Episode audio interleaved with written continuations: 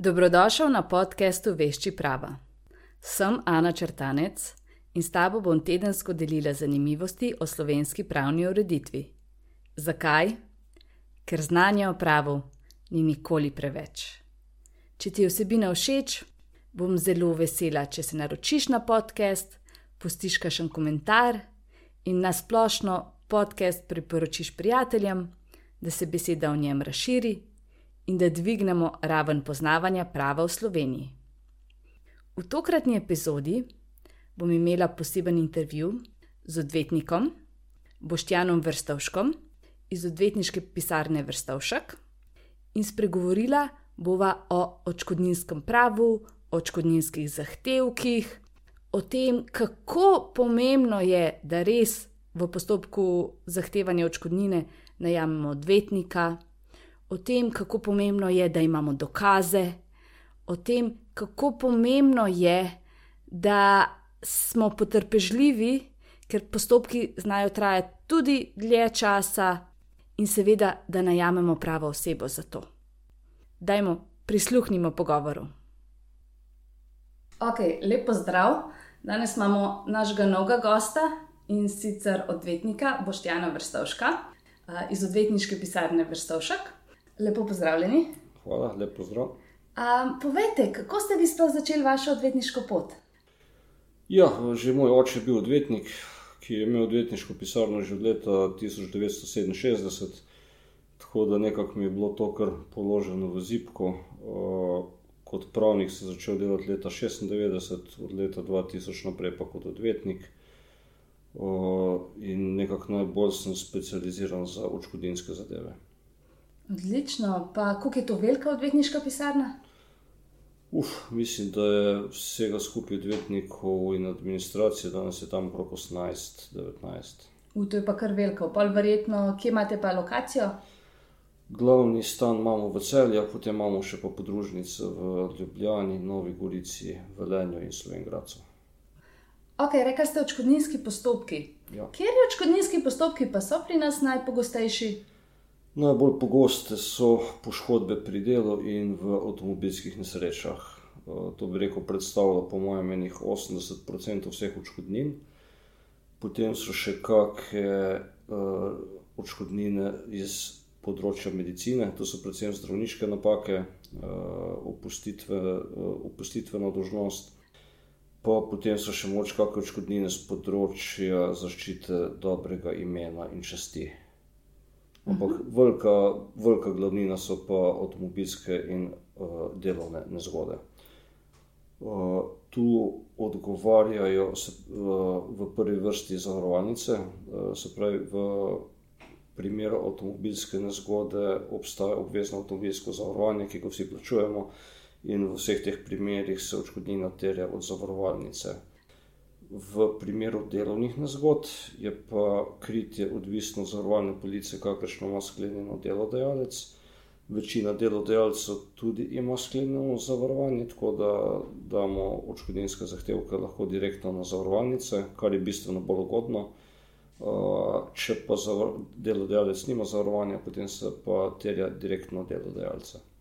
Kako pa v bistvu sami ti očkodninski postopki potekajo? Um, kako v bistvu oseba, kaj gre do vas in potem vas prosi, da se začne postopek? Ja, posto ti očkodninski postopki so vem, v zadnjih desetih letih postali tako skomplicirani, da jaz mislim, da noben lajk tega ne more sam speljati. Tako da stranka pride do odvetnika, mi tam se pravi v prvem razgovoru vzamemo vse glavne informacije, ne, se pravi, ne popolnoma vseh, ker še ne moramo vedeti, kaj vse sploh bo aktualno, ampak informacije, ki jih potrebujemo za sestavo škodinskega zahtevka.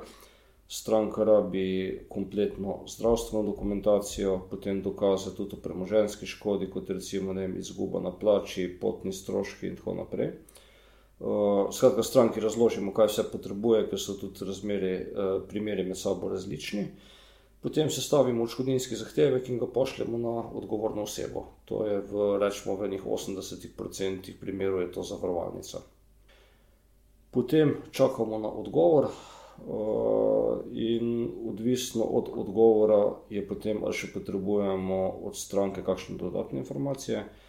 To je predvsem v primerih, če zavarovalnica odškodninski zahtevek zavrne. Ne. Ti primeri so kar pogosti, zavarovalnice težijo k temu, da plačajo čim manj. Seveda, ja. ja, jasno. Ne. In v kar velikih primerih uh, zavračajo zahtevke. Ne. Jaz lahko rečem, da ko sem začel delati, da temu ni bilo tako, da takrat v tistih časih, konec 90-ih let, pa začetek uh, leta desetletja 2000, ne, da so še nekako za silo uh, korektno plačevali odškodnine s pojavom, rekel, ko se pri nas ta uh, kapitalizem razvil v turbokapitalizem, uh, pa je veliko neutemeljenih odklonitev, kar pomeni, da mora stranka v tožbo. Mm -hmm. Tako da mi, rekel, naša pisarna, če smo imeli nekako, ko sem začel delati, moč 30% tožb, pa 70% izvensodnih poravnav, ne? se pravi, to je na hitro rešen primer, imamo zdaj to razmerje nekaj obratno.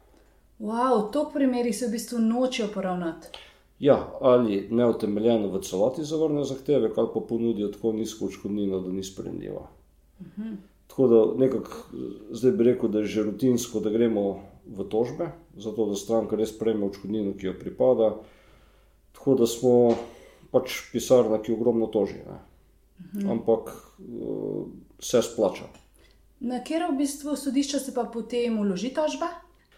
Tožba se vloži na pristojno sodišče, ne? Eh, zdaj, kjer je pa pristojno, pa odvisno od uh, same zadeve.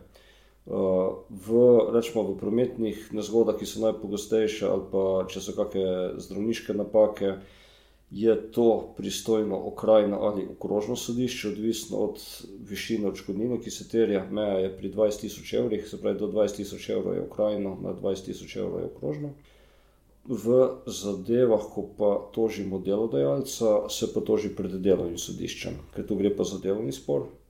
Eh, in vsa, raz, vsa razmerja, ki so med delovcem in delodajalcem, je pristojno delovno sodišče. Če pa ima eh, delodajalec zavarovano, potem se pa toži pred okrožnim sodiščem, ker gre za navaden spor.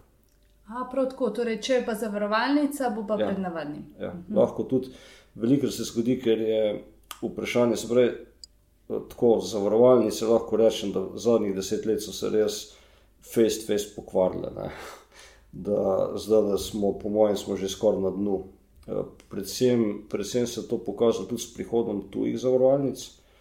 Eh, slovenske, bi rekel, so iz prejšnjega sistema še nekako korektno plačevali. Ne? Ko so prišle na ta trg tuje zavarovalnice, se pa prav vidi, da imajo politiko zavračanja, pravdanja za vsako ceno, vsaka pravda se gre na naš, uveljavljajo popolnoma neutemeljene ugovore, zavračujejo in tako naprej. Tu res en, en navaden človek proti njim ne more zmagati. Ne. In jaz pač mislim, da imajo taktiko, da veliko ljudi na tak način mogoče odvrnejo od uveljavljene odškodnine. Uh, ampak zdaj je s tem, s tem pojavom prišlo res do tega, da brez tožbe v večjih primerih skoraj ne gre. Ja. Pa ima večina ljudi kar potem zavarovano to, kar mislim, da je upletena ja. zavarovalnica, uh, ali so to primeri, ko ni. Ja, no, to sem hotel reči, da pri teh delovnih zadevah, ne, pri zavarovanju, uh, je velikrat zavarovalnica z delodajalcem sklene takšno zavarovanje, da tudi delodajalca prevara. Ne, in delodajalec misli, da ima sklenjeno kvalitetno zavarovanje, pa ga v resnici nima. Plača premijo, potem je pa drobni tisk, pa splošni pogoji, pa neke skrite klauzule. In zato velikrat, ker ne vemo, ali z, je zavarovanje veljavno, ne za ta primer, se pravi, ali obstaja zavarovalno kritje za konkretno škodni dogodek ali ne, moramo tožiti in zavarovalnico, in delodajalca. Zato, da ne bi slučajno proti zavarovalnici zgubili, ker bi sodišče razsodilo, da ni zavarovalnega kritja. Tako da tu zdaj funkcija sodišč je zelo pomembna, da so tudi sposobna prepoznati ne, čist navadno lopoščino, drugače moramo reči temu, ker je to. Uh, tu, ni, tu ni neke velike prefinjenosti, ampak to so pač taki ugovori, ko jim jaz pravim, lopoščina. Ne. In za enkrat lahko rečem, da v večini primerov nekako uh, je slovenska sodna praksa, praksa še za silo ureda. Mislim, so sodniki dobro podkovani na tem področju, ali bi bilo mogoče bolje, da bi bili še več? Glede, ni popolni sistem odkol tako ni. Ne. Vsak sistem se da še izboljšati. Jaz bi rekel, bolj bi bilo, da bi bili še bolj, ne pa imeli nekako še več v pogledu v to, kaj se nekako dogaja v zakulisju s temi zavarovalnicami, na kak način vse dejansko obstajajo neki taki zelo fini v celofan zaviti načini, s katerimi prevarajo in lastne stranke in oškodovance. Ne. Uh, tako da v večini primerov sodišča nekako razsodijo pošteno, so pa tudi neki primeri, ko pa dejansko zaradi nekih takih formalizmov uh, zavarovanja ne veljajo. Ne. Je pa vse odvisno, nekaj teh stvari, kako take primere določati, določa zakon, se pravi, tu gre za vprašanje veljavnosti splošnih pogojev in tako naprej. Tam so neka določila, ne, ampak vedno je pa odvisno od konkretnega sodnika, kako bo on eno zakonsko normo uporabil. Ampak tako generalno gledano, ne moramo reči, da je stanje slabo, je solidno, je pa še vedno veliko prostora za napredek. Kako je pa kaj treba izvedeti, se postaviti v teh postopkih, so pogosti ali niti ne? Ja, se pravi, zdaj. Uh, malo je treba razložiti, kakšne oblike odškodnine oziroma škode obstajajo. Ne, se pravi, bistveno je delitev na nepremožensko in premožensko. Pri nepremoženski gre za škodo zaradi telesnih poškodb, in tu je v vseh pravdah, kjer se gre za telesne poškodbe, je izveden snujen. Zdaj, sodišče nima samo znanja, da bi ocenjevalo, kakšne so posledice, in če zavarovalnica oziroma tožna stranka ne priznava tega, kaj zatrjuje oškodovanec, potem mora oškodovanec višino te škode izkazati za izvedencem, se pravi, izvedensko povabi na osebni pregled, eh, potem pregleda zdravstveno dokumentacijo in sestavi mnenje o trajanju telesnih bolečin, o neugodnostih, o trajanju strahu, o trajnih posledicah, kakšne zmanjšanje življenjskih aktivnosti ali obstaja skaženost. Zdaj, tu je en cel kup zadev, ki jih sodišče ne more samo rešiti. Tako da pravde za nepremožensko škodo, spravi za telesne poškodbe, brez izvedenca ni. Kaj pa za premožensko, torej za navadno škodo ali za izgubljen dobiček? Tam je podvisno spet od tega, kakšna vrsta škode se iztužuje. Ne? Eh, če je to neka enostavna škoda, ne vem, potni stroški v vezi z zdravljenjem, tam ni izvedenca, ker se pač ve, koliko kilometrov recimo, je en prevoz, ko se vozi na fizioterapijo in tako naprej. Eh, če so pa neke bolj komplicirane škode, kot je recimo, ne vem, koliko je bila škoda na avtu, če so kakšna prikrajšanja na plači, ki, kjer so neki bolj eh, zahtevne računice, razni dodatki in tako naprej, potem ne vem, razni požari, kjer zavarovalnica noče splačati celotne škodnine, tudi treba oceniti škodo vem, na hiši, na opremi. Tako da jaz bi rekel, enih 80% vseh pravd je potrebno tudi izvedenec. Uh -huh. Kako so pa kaj zdaj stroški samih teh postopkov? O, če smo zdaj najprej na stroških izvedencev, ne, je tako, da so pač obstaja, uh, obstaja merila Ministrstva za pravosodje, po katerih izvedenci tam mnenje obračunavajo. Poprečne cene teh izvedenskih mnen so tam nekje med 600 in 800 evri. Pri premoženski škodi, če gre za neko bolj preprosto cenito, je to moč lahko tudi 200-300 evrov. Je pa tudi tako, da lahko stranka, ki teh stroškov ne zmore, ne, lahko zaprosi za brezplačno pravno pomoč. In se pravi, stranke, ki dokažejo, da imajo slabo premožensko stanje, dobijo potem to brezplačno pravno pomoč in sodišče na mesto njih založi za to mnenje. In potem, če stranka zmaga, oziroma ko zmaga v pravdi in dobi stroške povrnjene, potem je dolžna te stroške povrniti nazaj v sodišču, ki je na mestu to založilo. Zdaj, drugi stroški, se pravi, so še, potem so še sodne takse, te so kar visoke. Uh, jaz bi rekel, da za Slovenijo da so previsoke, sploh za poprečen standard, ki ga imamo, da so tako dokaj nečloveške. Ampak tu spet lahko stranke, ki imajo slabo premožensko stanje, lahko prosijo za oprostitev plačila sodnih taks, je pa tam nekje približno prihodek na družinskega člana je slabih 500 evrov. Se pravi, če presega nekje 500 evrov na družinskega člana, potem taksne prostitve ni. Lahko jo posodišče tudi odloži, lahko da uh, obročno odplačevanje. To je zelo nizko postavljeno. Ne, ja. ja, je, pa takse so tudi previsoke. Ne. S tem, da se je celo spremenila zakonodaja, zdaj to je že ne, verjetno kakih deset let, pa še kaj več. Prej je bilo tako, da je del takse plačala tožeča stranka, del takse mogla plačati pa tudi tožena stranka. Potem so pa nekako, jaz mislim, da zato, ker so hoteli čim več ljudi odvrniti od sodnih postopkov, ker smo imeli takšne sodne zaostanke, ne, so potem vse te sodne takse prevalili na tožeče stranke. To je pa že zdaj, tudi smo na tem, da je lahko to omejevanje dostopa do sodnega varstva. Ne. In jaz mislim, da te, ta višina da je bistveno previsoka, da omejuje dostop do sodnega varstva. Kako je to, na primer, primer? Verjetno je odvisno od višine spora. Od višine, ja. ja. Tako da tu zdaj težko govorimo, ampak tam nekje poprečje je kar enih, ne vem, 300-400 evrov, lahko je tudi 800, lahko če so visoki zahtevki. Recimo najbolj grozni je, ko imamo oškodovance, ki so fejs poškodovani na invalidskem vozičku, ne, nepokretni, ne morajo uh, ustvarjati prihodka po vse. Moje pa odprej, ne vem, hišo, avto, se pravi, moje izkazano neko premožensko stanje, ne, ampak tisto premoženje ga ne morajo oni več vzdrževati, ker niso sposobni za delo ne, uh, in so takšni tudi, ne vem, 2, 3, 4 tisoč evrov. Uh, in je zelo težko uh, tem ljudem razložiti, zakaj sodišče od njih terja sodno takso, ker so že tako, tako v uh, groznem položaju, se pravi, imajo uničeno zdravje, pridobitno niso sposobni, imajo zaživeti otroke, zdaj ne more več družine preživljati. Tako da to so lahko zelo hude stiske. Kako si pa, na primer, vi pomagate pri določitvi višine škode? Ja, uh, višina škode ni določena v Sloveniji na noben način, ne, z nobenimi tabelami, z ničemer, ampak se gleda sodna praksa v podobnih primerih. Tako da tu je, se pravi, prvič je važna praksa. Ne, mi vse imamo zdaj že kar smo specializirana pisarna za očkodnine, imamo dolgoletne izkušnje, tako da jaz osebno že nekako na pamet vem te okvire. Ne. Nikoli ne moreš pa točno vedeti, kaj bo uh, točen znesek, ki ga bo stranka dobila, ampak so to neki ukvirji. Ne. Tako da, če zdaj nismo pripričani, gremo tudi sodno prakso pogledati za podobne primere, potem pač postavimo zahtevek, za kakršnega mislimo, da je primeren. Pa če zdaj probava ne praktično, oseba, ne vem, bila prometni nesreči, se je ustrašila. Kako bi lahko to vrednotili?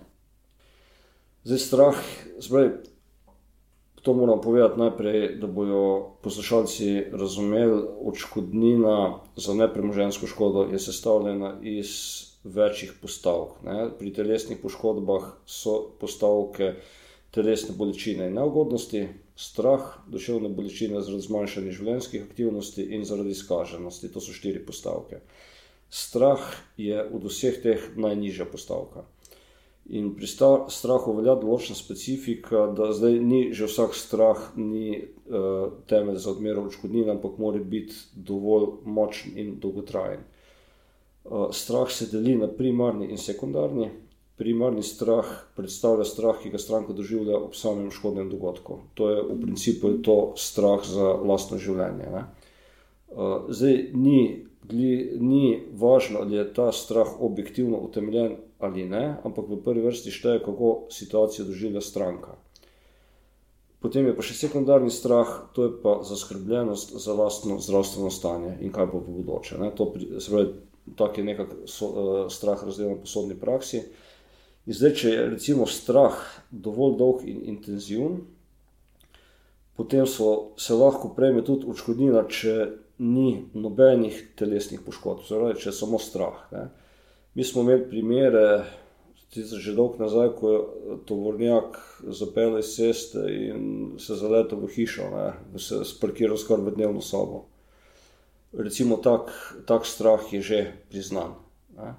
Zdaj, samo en strah v eni prometni nesreči, kjer niti ni telesnih poškodb, ni zadost, da po sodni praksi, razen če bi bile neke izjemne okoliščine. Lahko omenim recimo en zelo zanimiv primer iz sodne prakse. Zelo pomembno je, da razumemo, da uh, je priznan strah samo za sebe. Ne? Se pravi, tisti, ki ga človek doživlja zase, ne za druge. Pravi, če vem, imajo starši prometno nesrečo, v kateri so udeleženi poleg njih v avtu tudi njihovi otroci, pa če jih je fez strah za otroke, ne bojo za to dobili nič. Pravi, samo strah zase, za druge ni. Je bil pa en zelo zanimiv primer prometne nesreče, kjer je eh, šla policista, šla mama in njen sin, ki je bil star približno 3-4 leta, mogoče se ne spomnim točno. Ne. In je ona dva sta šla po pločniku, in ena starejša gospa je na mest v vzratno prestavo, je avto dala v prvo ne, in je zapeljala naprej na pločnik in je to mamo povozila. Zdaj, otrok je bil nedotaknjen telesno. Ne. In potem je v paniki, ni, naj, ni najdla rik versa, pa je še kar parkrat v to bogo žensko zapeljala. Ja, no in otrok ne, je vse to gledal uh, in je sam doživel strah zase, ne, ker potem je tudi izvedenec klinični psiholog povedal, da otrok v tej starosti dojema mati in sebe kot celoto. Ne. In to, kar je otrok recimo gledal, je on osebno doživel kot napad na sebe, ne kot na mamo. Ne. In je tudi dobo otrok za ta prestani strah tako zelo lepo očkodnino. Kako pa so to sploh to vsote? Za strah ni velik, za strah, strah se prisoja tam nekje od 500 pa do 2500 evrov, mož 3000. Če so pa zdaj neki res izjemni primeri, pa to še malo več. Ampak strah je od vseh postavk je najnižji. Kaj pa naprimer za znižanje življenjske aktivnosti? Ja, tu smo tako bili, če nekako razdelimo skupno odškodnino, ne, bi lahko rekli, da eno slabo polovico predstavljajo telesne bolečine in neugodnosti, slabo polovico duševne bolečine za zmanjšanje življenjskih aktivnosti, strah je pa potem ostanek, pa še kaj za skaženost. Ne. Tako da ta odškodnina za zmanjšanje življenjskih aktivnosti je zelo pomembna, predstavlja visok delež, je pa odvisna spet od tega zmanjšanja, ne, ki je. Uh, tako da zdaj tu govoriti, lahko je to, lahko je to 5000 evrov, lahko je pa tudi 200 tisoč evrov, recimo pa 300 tisoč evrov pri unih najhujših poškodbah, ko so tetraplegi, ki, ki nič ne morajo. Tako da je z tega vidika zmanjšanje življenjskih aktivnosti. Je tudi zelo pomembno, da ljudje, ki so imeli neko škodo, pa jo imajo namen uveljavljati, je, da vejo, da morajo to škodo nekako dokumentirati ne, skozi zdravniške izvide. Se pravi, če bojo imeli neke hude težave, pa ne bojo šli k zdravniku in to ne bo dokumentirano, je možnost, da tudi teh vseh težav ne bo mogli dokazati. Ja, dokazi so zelo pomembni. Ne? So, se pravi, na sodišču ne velja resnica, ampak to, kar lahko dokažeš. Ne. Tako je. Tako da tukaj spoh civilni postopek nima neke velike veze z resnico, ampak ima vezo z dokazovanjem. Zdaj, v eni izmed prejšnjih epizod sem že povedala o teh predpostavkah odškodninske odgovornosti, ker je pa zdaj v samem postopku najtežje dokazati. Zdaj, težko je reči generalno, ne? zato ker včasih je težje dokazati vzročno zvezo, včasih je težje dokazati uh, protipravnost, včasih je zelo težko dokazati višino škode. Pretežno, pretežno smo ponovadi uh, na protipravnosti, da je to najtežje dokazati ampak ne moramo reči tako generalno. Je pa to v največjem številu primerov dokazovanje protipravnosti. Tudi tu je, recimo, predvsem v delovnih nesrečah, ne, je vedno vprašanje protipravnosti, se pravi, ali je delodajalec kršil določene predpise in tako naprej. Tu so pa izvedenci iz varstva pri delu. Tako da v popolnoma vseh pravdah, kjer gre za delovne nesreče, ne, kjer se ljudje poškodujejo na delovnem mestu, imamo izvedenci iz varstva pri delu. Mhm. Pa je več, naprimer, subjektivne odgovornosti ali objektivne odgovornosti? Zdaj, če imamo zraven objektivno odgovornost, potem tega ni treba dokazovati. Ne? Treba samo dokazati, da objektivna odgovornost pomeni, da odgovorna oseba odgovarja ne glede na krivdo. Krivda ni potrebna, ampak je dovolj, da je vzrok v sferi te osebe. Objektivna odgovornost je podana, kadar gre za nevarno dejavnost ali pa nevarno stvar recimo za nevarno stvar se šteje avto. In če avto povozi pesa ali kolesarja, ne, je eh, voznik avta, pravi, in posledično zavarovalnica na podlagi sklenjenega zavarovanja, vedno odgovorna. Ne. Uh, ne glede na to, če je tudi recimo, vem, če je kolesar zapeljal čez cesto pri rdeči luči ali če je peš shodil po sredi ceste, ne, vedno obstaja ena objektivna odgovornost, zato ker je avto nevarna stvar. Uh, potem se pa presoja, ali je tudi so prispevek tega pesa ali kolesarja. In zdaj v vseh takih primerih, ne vem, tudi delo na višini je vedno objektivna odgovornost. Eh, če so neki težki predmeti, težki ne vem, par sto kil ali več ton, pa padajo na delavca, je objektivna odgovornost. Tako da je odvisno, jaz bi rekel, da je nekje moč pol-pol, da ne moramo reči, da prevlada ena ali druga. Se pravi, razmerje krivdne pa objektivne odgovornosti. Vsak primer je treba poročiti. Seveda, za odvetnika je vedno najlažje uveljaviti objektivno odgovornost, ker pri objektivni odgovornosti se vedno uh, domneva, da vzrok izhaja iz te nevarne stvari ali pa dejavnosti. Kakšno vlogo pa igra ta prispevek oškodovanca, oziroma kako se dokazuje? Slovensko pravo pozna eno specifiko pri krivdni odgovornosti in sicer, da se oseba, ki je povzročila škodo, ne, se že domneva, da je odgovorna in mora odgovorna oseba dokazovati, da ni kriva. To je obrnjeno dokazno breme. Tako da tu smo, to je še ostanek uh, socialističnega sistema, ki je pa zelo naklonjen malim ljudem. Ne? Hvala Bogu, da to imamo. Uh, se pravi, zmeri se mora temu se reči ekskulpacija, odgovorna oseba se mora ekskulpirati in dokazovati, recimo, da je naredila vse po pravilih in da ni odgovorna. Ne? Govorimo o krivni odgovornosti. Uh, Pri objektivni odgovornosti se pa tako, tako že se krivda sploh ne razsoja, ne? ker je dovolj, da dokažeš vzročno zvezo med nevarno dejavnostjo ali nevarno stvarjo in nastankom škode. Pa se doskrat, naprimer, zavarovalnice sklicujejo, da ja, se je ta oseba prispevala k škodi. Ja, to praktično, se pravi, v vseh primerih, kjer imamo objektivno odgovornost, zavarovalnica oziroma odgovorna oseba vedno veli krivdo in uveljavlja so prispevek ali celo izključno krivdo samega oškodovanca. Ne. Zato pa pravim, da so vse te pravde v zadnjih letih teče na nož, ker tu se odgovorne osebe. In jasno, njihovi odvetniki naredijo popolnoma vse, da bi zvolili krivdo na škodovanca. Pa mogoče imate kakšen zanimiv primer, kaj, kaj naprimer, se zavarovalnice sklicujejo, oziroma kaj, kaj trdijo. Najbolj, mislim, najbolj pogosti primeri, pa ne tako zanimivi, so, da je oškodovanec kriv sam. Uh -huh. ne, predvsem v delovnih nesrečah gre za to, ustaljeno stanje je tako, mi imamo eno stanje, je, ki ga imamo v predpisih, ne? drugo je pa dejansko stanje, ki ga imamo. In mi imamo predpise čisto lepo urejene, ampak teh predpisov itak nišče ne spoštuje. Predvsem, če imamo vem, gradbene dejavnosti, pa podobne, tisti, ki bi te predpise eh, spoštoval, ne bi bil konkurenčen. Ne? Tako da imamo ogromno vem, dela na višini, kjer ljudje niso privezani z varnostnimi posovi, ogromno nekih ne vem, tovorov, ki niso pravilno transportirani in tako naprej. Uh, in delodajalci takšno prakso ne samo tolerirajo, ne, ampak jo na nek tihi način spodbujajo in zahtevajo, ker drugače ne bi mogli normalno delati. Da čim bolj znižajo stroške. Tako, ja. Ja. Ker vsi tako delajo, če, drug, če bi tisti delodajalec ne bi tudi sam stroškov eh, nižal, ne bi prišel skozi. To vsi vemo. Uh, no, potem, ko pride do nesreče, ne, pa naenkrat privlečajo cel kup predpisov internih, ki jih bi ne oškodovanec sam kršil. Tako da to je dejansko vsaki pravi, ampak potem pač moramo mi določene stvari dokazati in tako naprej. In v nekih zadevah, kjer je dejansko oškodovanec hudo malo marno ravnal, ne, tam tudi uh, mu je prisojeno so kriv, da v nekih zadevah pa ne. Višina so krivde je tudi odvisna od tega, koliko fest je samo škodovanc kršil določene predpise. Ne? To govorim lahko o delovnih nesrečah, o prometnih nesrečah, ne vem, ali je šel pešec čez cestišče pri rdeči luči in tako naprej. Nekje so merila taka, da več kot 30% so krivde redko prisojena. Ne? Tudi, recimo, če eh, pešec ali kolesar gre ta čez rdečo luč in tako naprej.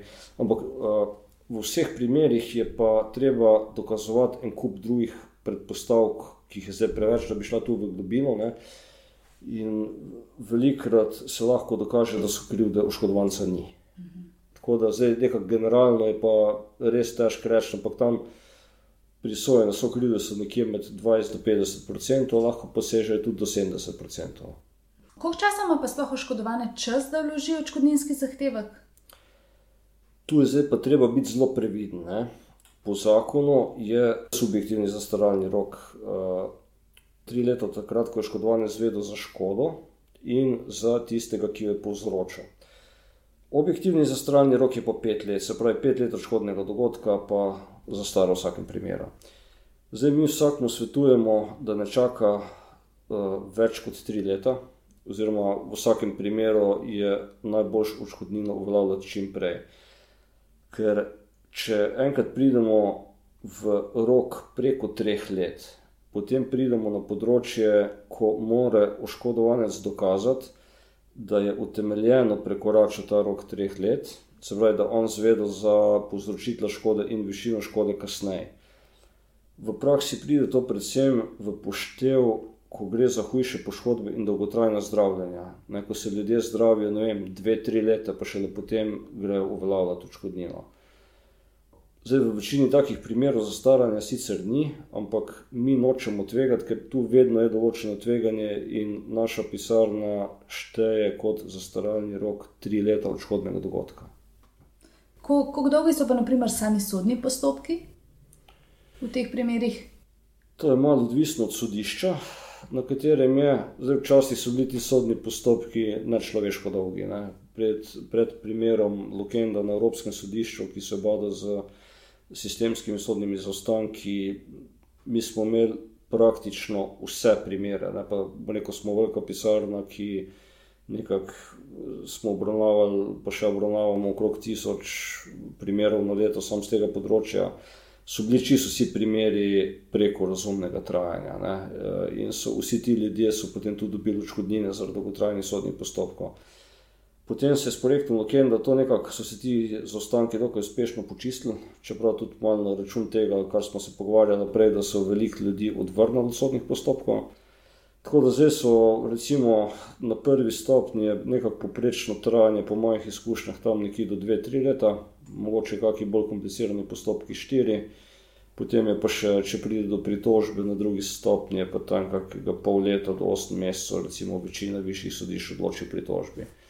Potem je še po postopek možen za izrednimi pravnimi sredstvi na vrhovno sodišče, tam je pa, če vrhovno sodišče dopusti revizijo, pa še tudi kako lahko leto, leto pa pol odločijo. Tako da, če imamo recimo bolj enostavni primeri, so lahko rešeni tudi nekje v dveh do treh letih, eni srednji primeri, kako leto več, če so pa kakšni fejs komplicirani primeri. Ki lahko grejo tudi do vrhovnega sodišča, pa da so še sodbe razveljavljene, pa da grejo v ponovno sojenje, so pa lahko tudi kakih 7, 8, tudi 10 let. So to so že bolj izjeme. Tako da generalno bi rekel, da proti situaciji, ki smo imeli 10-15 let nazaj, imamo zdaj kar dobro stanje. Ni pa še idealno.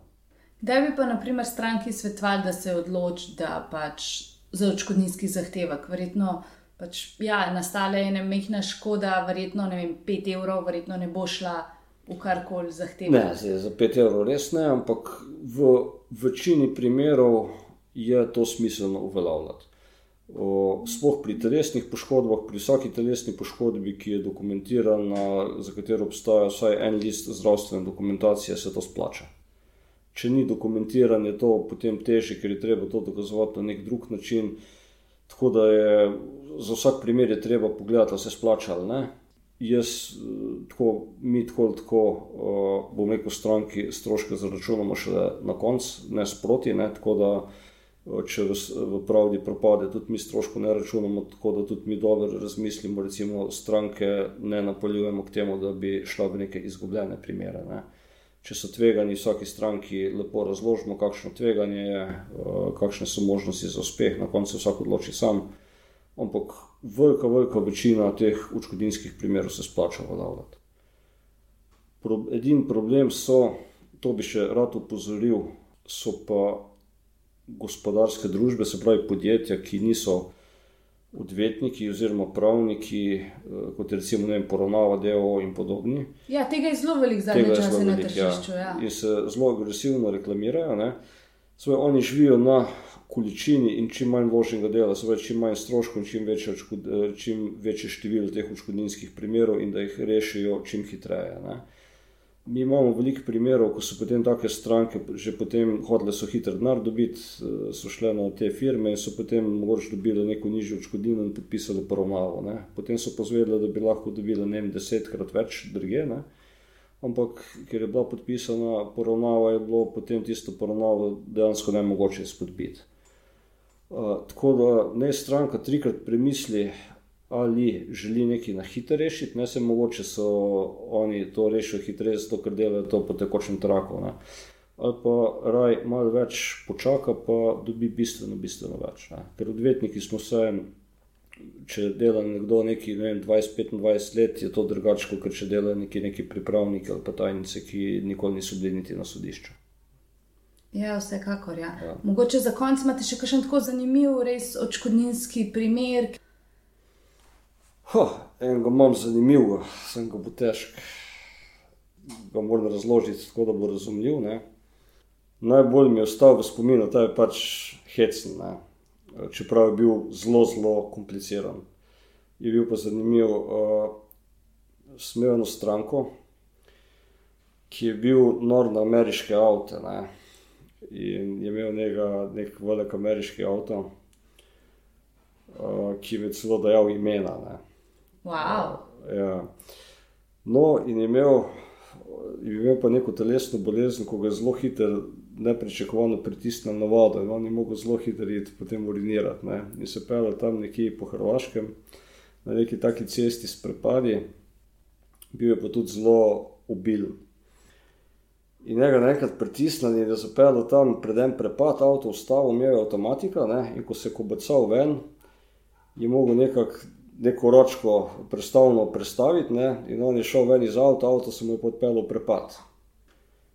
In potem je sam pisal odškodninski zahtevek in je tam pač napisal lajično, sicer korektno, pa vse, ne, ampak je napisal tako, da se zavarovalnica lahko obesila, da par njegovih besed in je zahtevek odklona, ker je imel zahtevek iz kasko zavarovanja, imel sklenjeno kasko zavarovanje, plačano vse, ono najboljš, kar je. Ampak zavarovalnica bi ni hotela plačati, čež da je on sam avto spustil čez prepad namenoma, ne. On je bil pa zaljubljen v tisto avto. Potem smo imeli izvedenca, Problem je pa bil, da je bilo včasih, ko so bili avtomatski menjalniki redki. Ne. Tukaj smo imeli si ročne menjalnike, bolj kot ne, to je bil pa ameriški avto eh, z avtomatskimi. Sodnica, ki je to obravnavala, ni imela pojma o avtomatskih menjalnikih. Ne.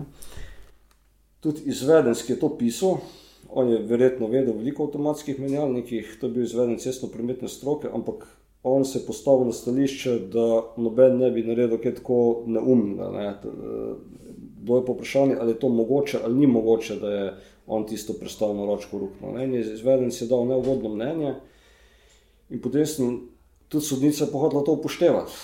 In to smo potem filmsko naredili, sem si jaz sposodil avto z avtomatskim menjalnikom in smo šli potem z izvedencem na poligon in izvedencu straje, da ni mogoče stopiti iz avta s tem, da bi ostal avtomatski menjalnik v poziciji drive, kjer gre naprej.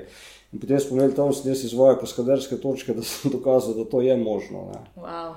Uh, in potem smo po tem razveljavljenih sodbah, po desetih letih, smo tisto pravdo dobili. Je bila pa tam je ostala najbolj v spominu, ker sem dejansko tam izigral kaskaderja. Da, potem, da je tudi izvedenc priznal, ker ni mogel reči, da to ni možno, ker smo v živo izvedeli, da je možno. Ne. Odlično. To je bil tako zanimivo, drugače pa tako, vse veliko, velik, mislim, rekel, večina takih primerov je žalostnih. Ja. Zdaj, če so to neke telesne poškodbe, kjer se še ljudje, kot tu pozdravijo, je to v redu, ko imaš popravko ne, z mladimi ljudmi, ki ostanejo brez rok, brez nog, brez očesa, ljudje na vozičkih, ne tetraplegi, ki ne morejo komunicirati. Tiste pa, tako bi rekel, je veliko zanimivih izzivov, je po prvi vrsti uh, težko nekaj narediti za te ljudi na hitro, ko oni rabijo pomoč hitro. In sodni postopek, ki se vleče ne vem, pet ali pa deset let, ni hitra pomoč. In names morajo otroci preživeti, žena mora, da jim recimo, če se mož poškoduje, vse po koncu zdržati, stroške zdravljenja plačevati in to so hude zadeve. No. Mm. Ja, tako da nismo samo odvetniki, pa smo zraven še psihologi, pa še kaj več. Ja, najlepša hvala za vaš čas. Z veseljem. Hvala za povabilo. Lep dan še naprej. Hvala.